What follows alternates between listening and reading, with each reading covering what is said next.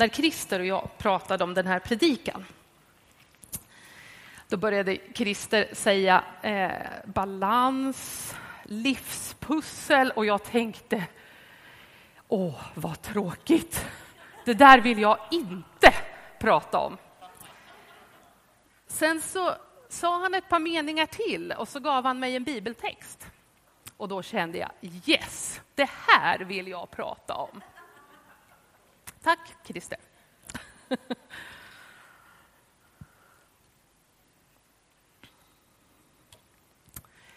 Det här bibelordet. Mer än allt som ska bevaras. Bevara ditt hjärta, för därifrån utgår livet. Det är ett bra bibelord, som de andra bibelorden också är. Men man skulle kunna säga att jag skulle kunna läsa det här några gånger och sen skulle vi kunna fundera lite över det här och så skulle jag kunna gå och sätta mig. Eh, för det här är det som är grejen. Men eh, jag ska säga några saker till. Våra liv kan ju se väldigt olika ut. Om vi pratar om livspussel så för en del av oss så är det så att vi har så många bitar i livet som vi ska försöka få ihop.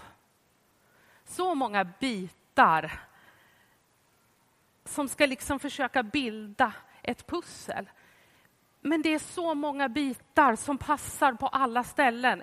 Det går liksom inte att få en helhet av det. Det är bara för mycket. Vi springer från det ena till det andra och kastar upp bitarna och hoppas att vi hinner fånga dem innan de trillar ner i marken. För andra så kan det vara så att en pusselbit har tagit över hela pusslet. Det kan vara sjukdom, någon som eh, har gått bort. Det kan vara andra saker som drabbar mig i livet som en katastrof. Det blir liksom som att alla andra pusselbitar har ingen betydelse längre. För det är bara den här pusselbiten som märks och syns och finns i mina tankar. Det kan också vara så att jag har väldigt få pusselbitar. Att livet är lite för ensamt och lite för tomt. Att jag har inte så många pusselbitar, så det blir liksom samma pusselbitar igen och igen. Det blir tvn och det blir kylskåpet och det blir titta ut genom fönstret. Och så blir det tvn och så blir det kylskåpet och så blir det titta ut genom fönstret.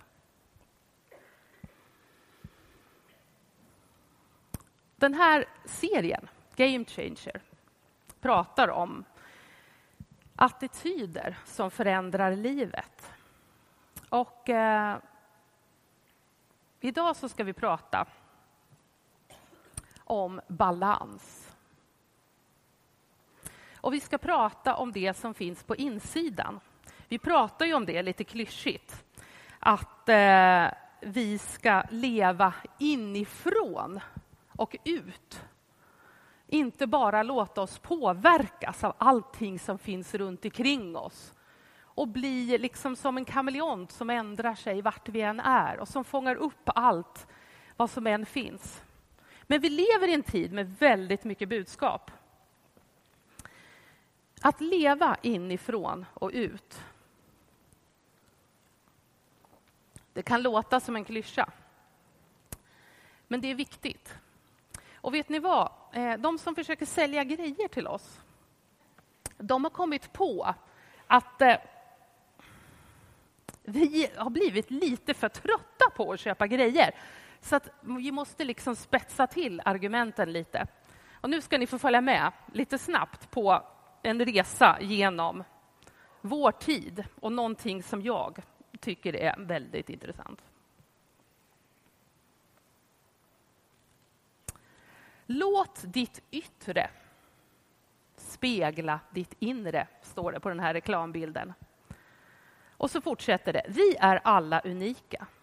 Vi har bland annat olika förutsättningar för en vacker kropp och ett vackert ansikte genom gener och livsstil. När utsidan inte stämmer överens med hur vi känner på insidan kan små eller stora justeringar med plastikkirurgi ge dig ökad harmoni. Alltså det här är så knäppt, tycker jag. Eh, man kan bli alldeles upprörd. Jag läser väldigt mycket reklam, för jag tycker reklam är väldigt intressant. Det säger väldigt mycket om vår tid. Men det är sällan man hittar ett sånt här bra exempel på hur knäppt det kan bli. Men vi har så mycket reklam som är i precis samma anda, fast kanske inte riktigt lika tillspetsad. Det här är livspusslet vi ska få ihop. Det finns hjälp. Reklamen har fattat att de behöver hjälpa oss med det. Här har vi ett överlevnadskit för mellandagarna. Det är en iPad och det är eh, en eh, högtalare och det är eh, 50 procents rabatt. Så här kan du lösa dina relationer och din tid. Men om vi liksom genomskådar att det är lite tunt att bara se på tv eh, så har vi ju, eller vi, de här som liksom har, är i den här branschen har hjälpen av alla tidningar för att få oss att förstå hur viktigt det här egentligen är. De förstärker det här med krigsrubriker på första sidan. Det här är huvudnyheten på en kvällstidning. Mästarnas mästare, ett program. Och sen krigsrubriken. Kaoset du inte fick se i Rysaren. Förstår ni? Kaos och rysare, det är tunga ord. Eller hur? Mm. Det här handlar om ett tv-program. Det handlar om Kenneth Andersson som bröt ihop. Jag var en idiot. Det handlar om ovädret som hotade finalen. Och det handlar om Foppas besvikelse. Det är tunga saker.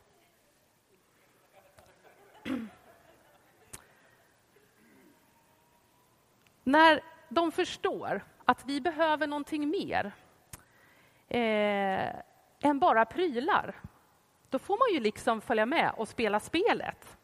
Teknikmagasinet, meningen med livet. Det är till att ta anspråk. Eller den här, som är fullständigt obegriplig. En klädhängare eh, med massa kläder som man kan köpa och sen de existentiella frågornas ofrånkomlighet. Lite flum, flum bara.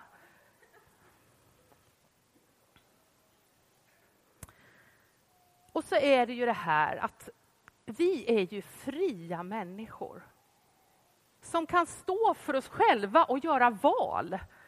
Eh, och det vet de ju också. Och då måste vi göra bra val, eller hur? Det här är en helt genial film.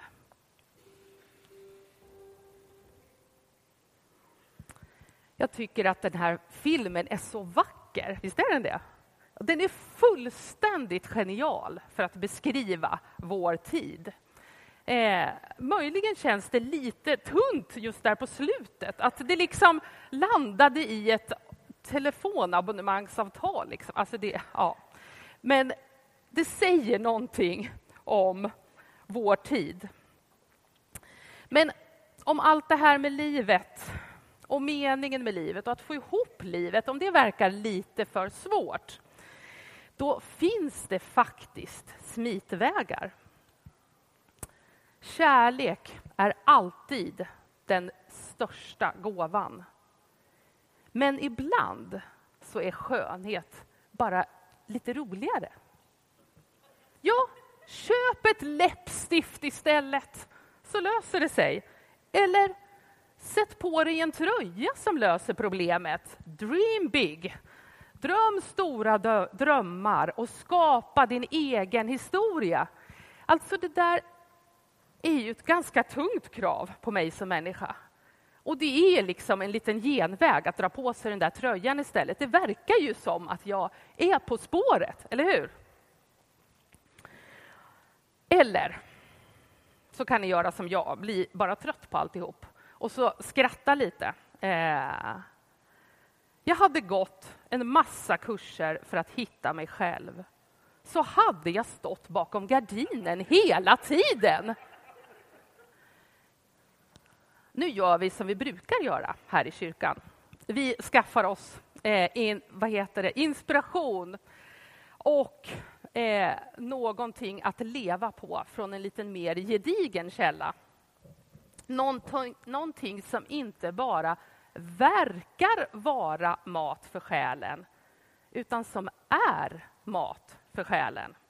Och då ska vi läsa från Lukas evangeliet kapitel 10, vers 38 till 42. Medan de var på väg kom Jesus in i en by och en kvinna som hette Marta tog emot honom i sitt hem. Hon hade en syster, Maria, som satte sig vid hans fötter och lyssnade till hans ord. Marta däremot var upptagen med alla förberedelser och hon kom fram och sa Herre, bryr du dig inte om att min syster har lämnat mig att sköta allting själv? Säg nu till henne att hon hjälper mig. Herren svarade henne Marta, Marta, du bekymrar dig och oroar dig för så mycket. Men bara ett är nödvändigt. Maria har valt den goda delen och den ska inte tas ifrån henne. På ett sätt så kan vi ju tänka att det här är en enkel text, en klockren text, en jättetydlig text. Eh, och kanske är det så. Eh, men kanske är det också så att den inte är så enkel. Och kanske är det så att det som är riktig mat för själen, det behöver vi liksom borra lite i för att förstå vad det verkligen handlar om. Jesus han utmärkte ju sig på sin tid genom att göra saker som en israelisk man inte gjorde. Han talade med kvinnor. Han lyfte fram barnen. Han gick ner på knä och tvättade lärjungarnas fötter. Han ifrågasatte de som satte sig över, de som var lägre i samhället. Trots att det var vilodag när man inte fick göra någonting så helade han människor och han lät sina lärjungar repa säd. Han ordnade både mat och vin i olika sammanhang när det behövdes. Han hade helt klart ett annat perspektiv. Och han var väldigt noga med att lagen är till för människorna. Människorna är inte till för lagen.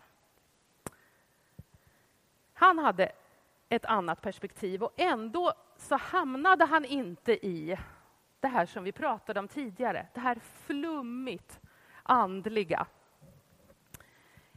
där man hamnar bara uppe i molnen. Han var också väldigt, väldigt mänsklig. Med den bakgrunden så blir den här texten ännu märkligare.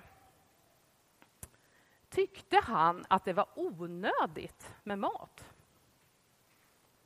Brydde han sig inte om hur det kändes för Marta? Uppmuntrar han egentligen till att vi inte ska ta ansvar för praktiska saker i våra liv utan istället ägna oss åt att bara sitta vid hans fötter?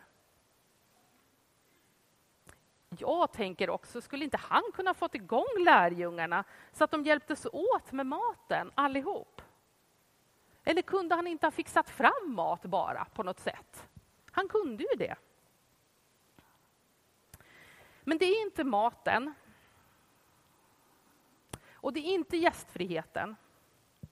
Och det är inte tjänandet som den här texten handlar om. Och det syns om vi läser den mer noggrant. Om vi läser om Marta så förstår vi en del av hennes tankar.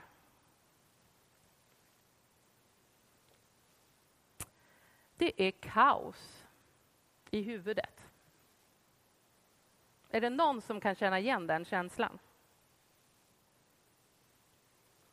Jag kan inte grekiska, men det finns ju andra människor som kan grekiska, som tur är. Eh, och i grekiska liksom, grundtexten så kan man läsa att Martas tankar fladdrar mellan många olika saker. Och Jesus säger också till henne, Marta, du oroar dig för så mycket.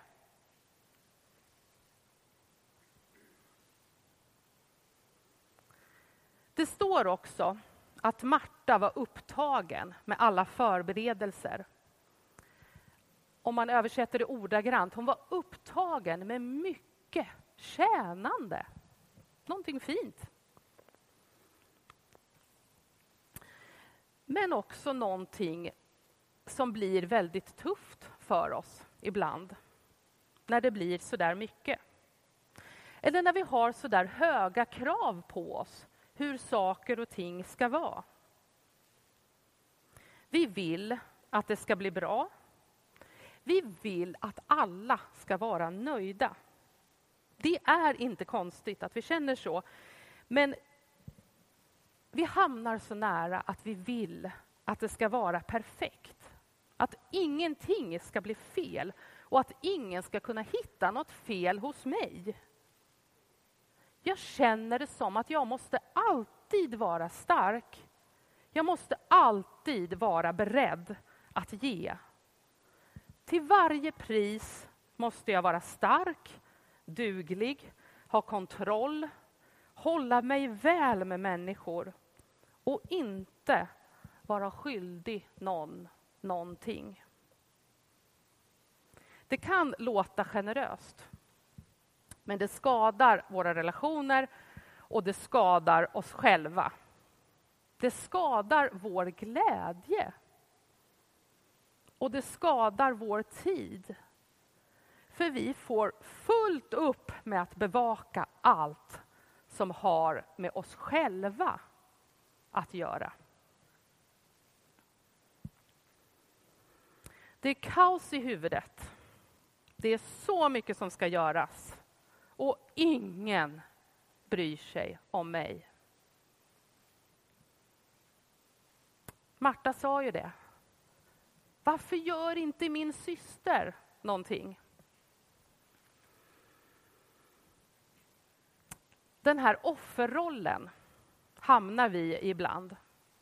Och den är ju ett väldigt bra skydd. Den är ett skydd när vi tycker att vi inte duger. När vi tycker att vi inte räcker till trots allt vi gör, så är det ett skydd. För jag hade ju kunnat göra bättre om bara den hade gjort sitt. Jag hade kunnat göra bättre om inte min syster övergav mig här i köket. Känner du igen den?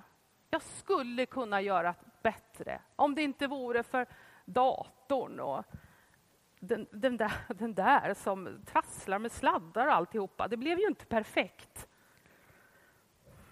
Fast det gör ju ingenting. Vi fick ju skratta lite. Alltså, vi hamnar så lätt där. Ingen bryr sig om mig. Ingen ser allt det här som jag gör.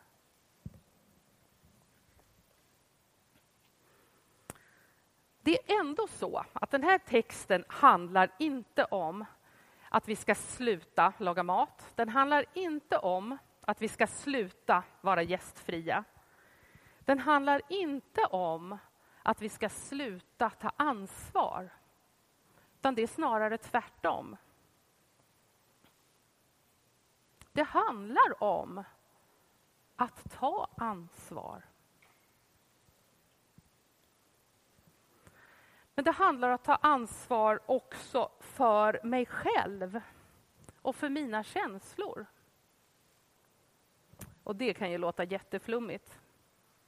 Men det handlar om, för Marta, att ta ansvar för att hon valde att gå till köket istället för att också sätta sig där och så lösa det där med maten på något sätt så småningom. Vi tänker ofta att vi inte har något val, men vi har ett val. Och det är väldigt viktigt att vi ser det och att vi tar ansvar för det. Min mamma och jag, hon sitter där nere. Hej mamma! Min mamma och jag, vi brukar säga till varandra, eh, man ska inte vara snällare än man är. Och så tänker jag så här, att man kan vara lite snällare, men man får inte vara mycket snällare än vad man är. För vet ni vad som händer när man är det? Då blir man arg. Och man blir bitter. Och man börjar göra saker som inte alls är snällt. Att inte gå för långt över den där gränsen av att vara snäll mot andra människor det skyddar min kärlek till människor. Om jag går tusen mil fast jag bara orkade hundra och är så arg på slutet så att jag tappar tron både på människor och på Gud då har jag inte tagit ansvaret i den här situationen. Förstår ni vad jag menar? Mm. Vad skönt. Ibland behöver vi ta ett steg bakåt och fundera över hur ska jag lösa det här på ett sätt som inte skadar mig själv och som inte skadar andra människor. Och så att jag inte skadar andra människor. Den här texten handlar också om vad vi prioriterar är alla de här tusen sakerna som snurrar i runt i våra huvuden viktigast? Är allt det här som jag fyller mina dagar med viktigt? Är det så att det till och med finns en skillnad i vad som är lite viktigt, vad som är väldigt viktigt och som livet hänger på viktigt. Och vad som faktiskt kanske egentligen är ganska oviktigt. Det är en stor skillnad där. Och när vi är i situationen att vi bollar för många saker och vi inte får ihop det, då behöver vi nog låta allt trilla ner på marken och fundera över vilka bitar är det jag ska ta upp.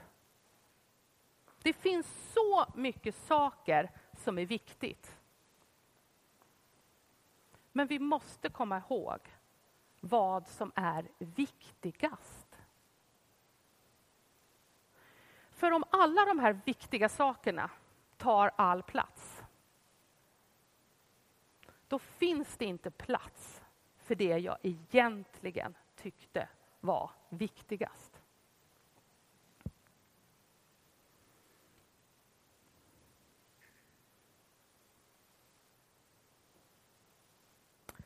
Vad är det som är viktigt egentligen?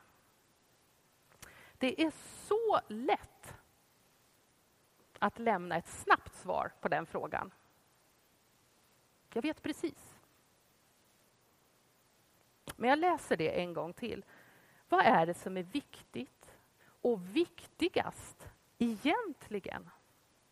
Det är så lätt för oss att lämna ett snabbt svar på den frågan.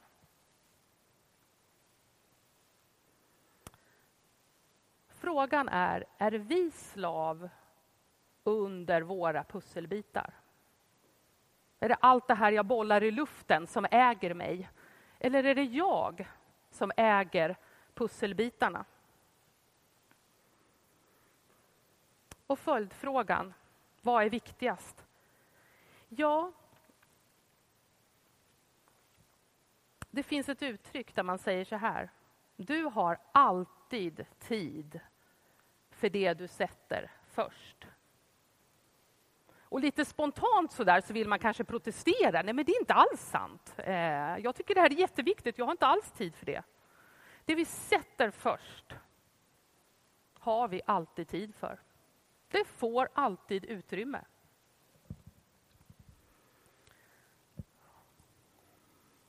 Den här texten visar också att det finns en stor skillnad i att göra det som andra förväntar sig att jag ska göra och att våga göra tvärtom. Maria gör tvärtom. Och det är inte enkelt. Det var inte enkelt på den tiden. Vi kan snabbt och lätt tala om för varandra vad vi tycker är viktigt. Men vi gör ändå det vi älskar mest. Den här texten berättar också en annan sak. Relationer. Allt vi gör och är väger lätt jämfört med relationer. Jesus han säger att Maria valt det bästa. Att lyssna, att vara med, att prioritera relation. På ett rent mänskligt plan så vet vi hur viktigt relationer är. Eh, vi får mycket forskning som talar om för oss hur viktiga relationer är. Att ensamhet faktiskt tar död på folk. Att det är farligare att vara ensam än att vara alkoholist, drick, vad heter det, röka massor med cigaretter, inte röra på sig eh, och att eh, lida av fetma. Att vara ensam är farligare än allt det. Vi vet också att när man frågar människor i livets slut vad tänker du om livet och hur det blev? Och bland det viktigaste som människor säger, det är några olika saker. En av de sakerna är till exempel att jag skulle ha vågat göra det jag tyckte var viktigt och inte bara göra som alla andra förväntade sig. Men en annan sak som liksom toppar, det är ju relationerna. Jag skulle ha varit mer rädd om mina relationer. Jag skulle ha vårdat dem, jag skulle ha tagit tid för dem på ett annat sätt.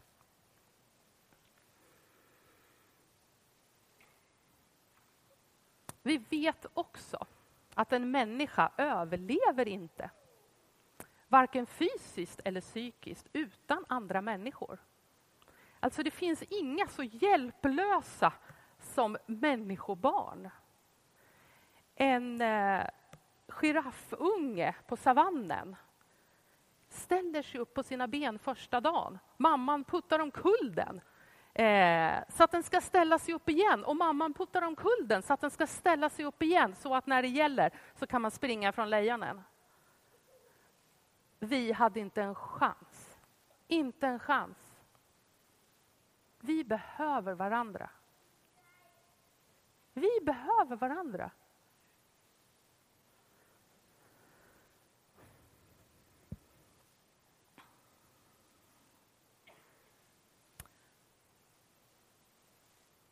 Det här med att våga vara inte perfekt.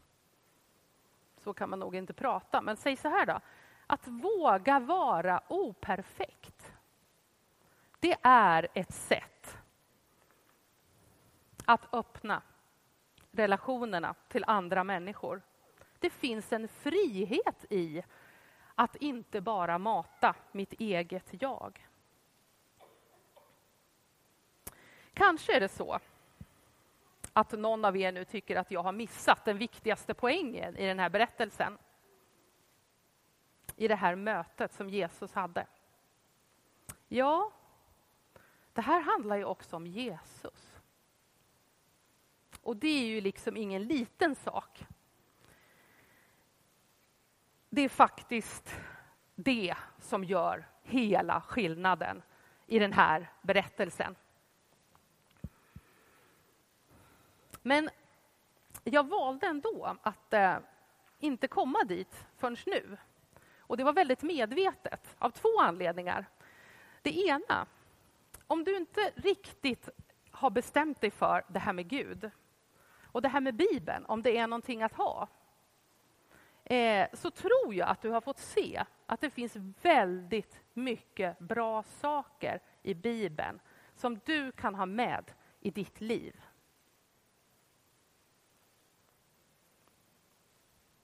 Den andra saken, det är för dig som kanske skulle svara, vad är viktigast i ditt liv? Jesus. Precis som man brukar skämta om att alla svar på söndagsskolan är Jesus. Det är ju fantastiskt. Det är ju... Det är mer än fantastiskt när vi kan sätta Jesus först i våra liv. Det är faktiskt till och med så att det är det viktigaste vi någonsin kan göra. Men det finns en fälla i att det blir någonting som är här och inte här. Därför att när vi pratar om att ta ansvar, att prioritera, när vi pratar om vad som är viktigt, så svarar vi lätt Jesus. Men jag tror att även fast Jesus är den viktigaste personen i mitt liv så behöver jag stanna och utreda. Vad av allt det här som mitt liv innehåller är viktigt, är viktigast? Vad behöver jag prioritera? Då kan det bli så konstigt att det där som verkar helknäppt att sitta och läsa reklamannonser faktiskt har en funktion för någon, för de flesta, så är det bara ett störande moment. För mig så är det en del av det jag tror att Gud vill att jag ska göra i mitt liv. Vi kan snabbt säga att det här att sitta på sociala medier, det är bara dumt. Men så finns det den där personen som sitter där och som får höra, du räddade livet på mig genom den kontakten vi hade. Vi har aldrig mötts, vi har aldrig träffat varandra, men du räddade livet på mig.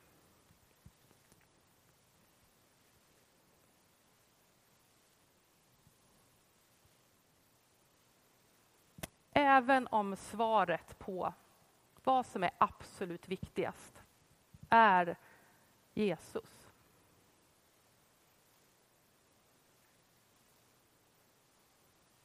Så bjuder han in oss att sätta oss ner hos honom och sortera i de där pusselbitarna. Sortera i vad som är viktigast. Eller titta på de där få pusselbitarna som liksom inte riktigt räcker till. Och få hjälp och kraft och mod att våga plocka in fler pusselbitar i livet. Där behöver vi varandra. Igen. Men vi får också sätta oss ner hos Jesus. När en pusselbit har tagit över allt annat och vi inte kan begripa hur vi ska kunna leva vidare. Jesus, han kom inte till världen egentligen för att bli betjänad. Och det var ju lite det den här berättelsen handlade om. Och jag tror att det är det som han vill visa oss, utöver det här andra. Vi tänker så mycket på allt vi ska göra. Och vi tänker så mycket på allt vi ska göra i relation till Gud. Vi vill tjäna honom, vi vill sjunga till honom, vi vill be till honom, vi vill läsa hans ord.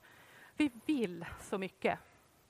Och det är ju inget liksom fel i det, naturligtvis. Det är en härlig längtan. Men det är inte där det börjar.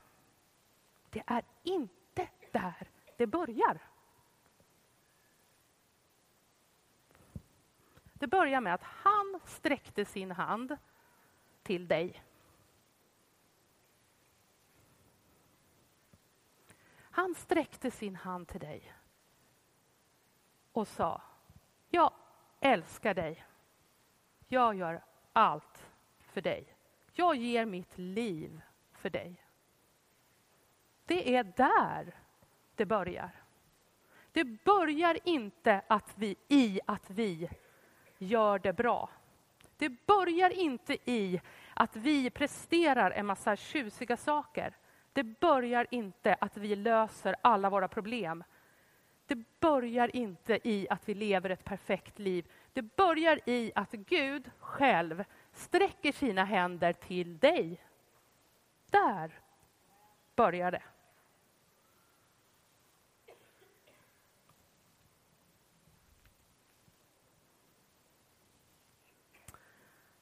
Jag tänker, nu ska jag avsluta.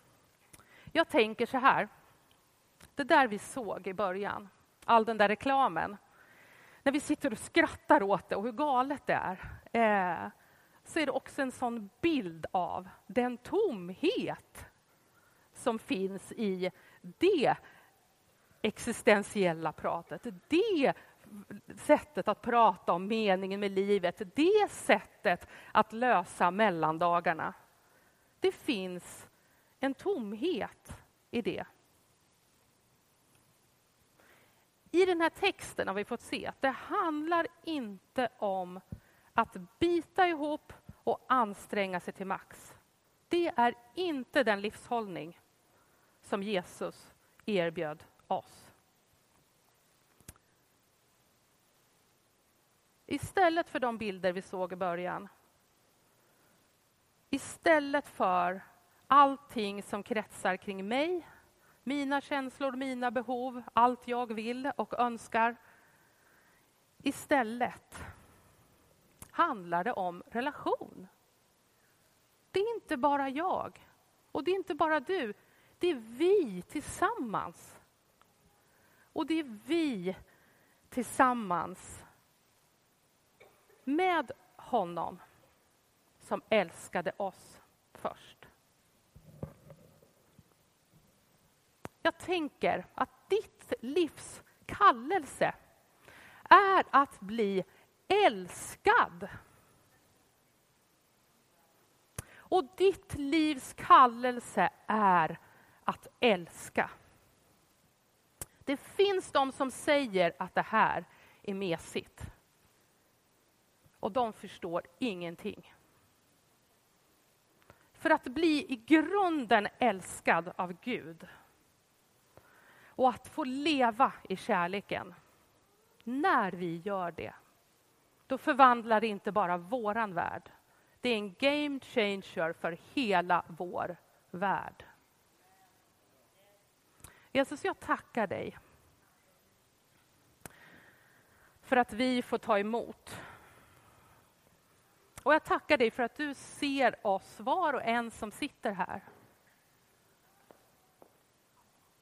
Och jag ber för den som speciellt behöver den här inbjudan idag, att få krypa ner vid dina fötter, gripa tag i dig, höra orden från dig och få hjälpen från dig. Gud, tack för att det alltid, alltid är sant att du kommer till mötes. Och jag vill be speciellt för den som behöver det idag, Gud. Gud, låt mig få bli älskad av dig.